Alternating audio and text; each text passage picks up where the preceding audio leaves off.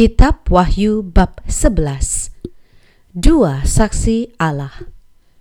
Kemudian diberikanlah kepadaku sebatang buluh seperti tongkat pengukur rupanya dengan kata-kata yang berikut. Bangunlah dan ukurlah bait suci Allah dan mesbah dan mereka yang beribadah di dalamnya. Tetapi kecualikan pelataran bait suci yang di sebelah luar. Janganlah engkau mengukurnya karena ia telah diberikan kepada bangsa-bangsa lain. Dan mereka akan menginjak-injak kota suci 42 bulan lamanya. Dan aku akan memberi tugas kepada dua saksiku, supaya mereka bernubuat sambil berkabung 1260 hari lamanya. Mereka adalah kedua pohon zaitun dan kedua kaki dian yang berdiri di hadapan Tuhan semesta alam.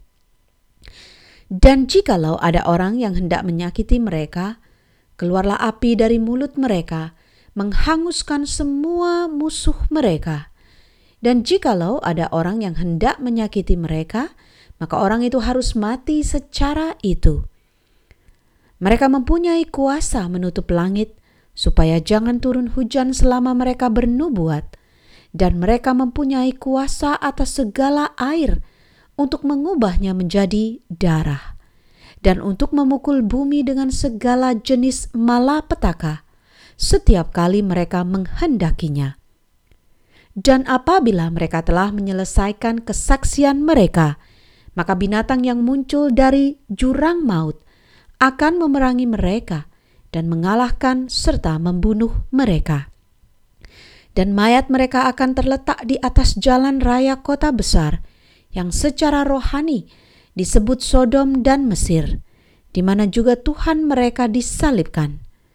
Dan orang-orang dari segala bangsa dan suku dan bahasa dan kaum melihat mayat mereka tiga setengah hari lamanya, dan orang-orang itu tidak memperbolehkan mayat mereka dikuburkan. Dan mereka yang diam di atas bumi bergembira dan bersuka cita atas mereka itu, dan berpesta dan saling mengirim hadiah. Karena kedua nabi itu telah merupakan siksaan bagi semua orang yang diam di atas bumi.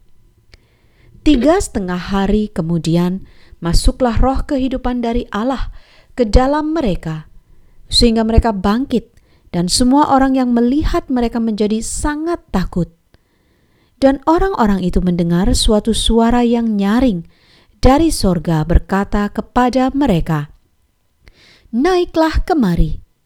Lalu naiklah mereka ke langit, diselubungi awan, disaksikan oleh musuh-musuh mereka.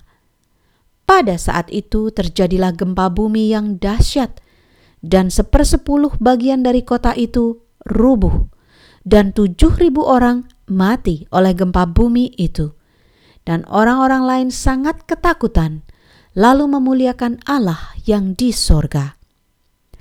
Celaka yang kedua sudah lewat. Lihatlah, celaka yang ketiga segera menyusul. Lalu malaikat yang ketujuh meniup sangka kalanya, dan terdengarlah suara-suara nyaring di dalam sorga. Katanya, pemerintahan atas dunia dipegang oleh Tuhan kita, dan dia yang diurapinya, dan ia akan memerintah sebagai raja sampai selama-lamanya.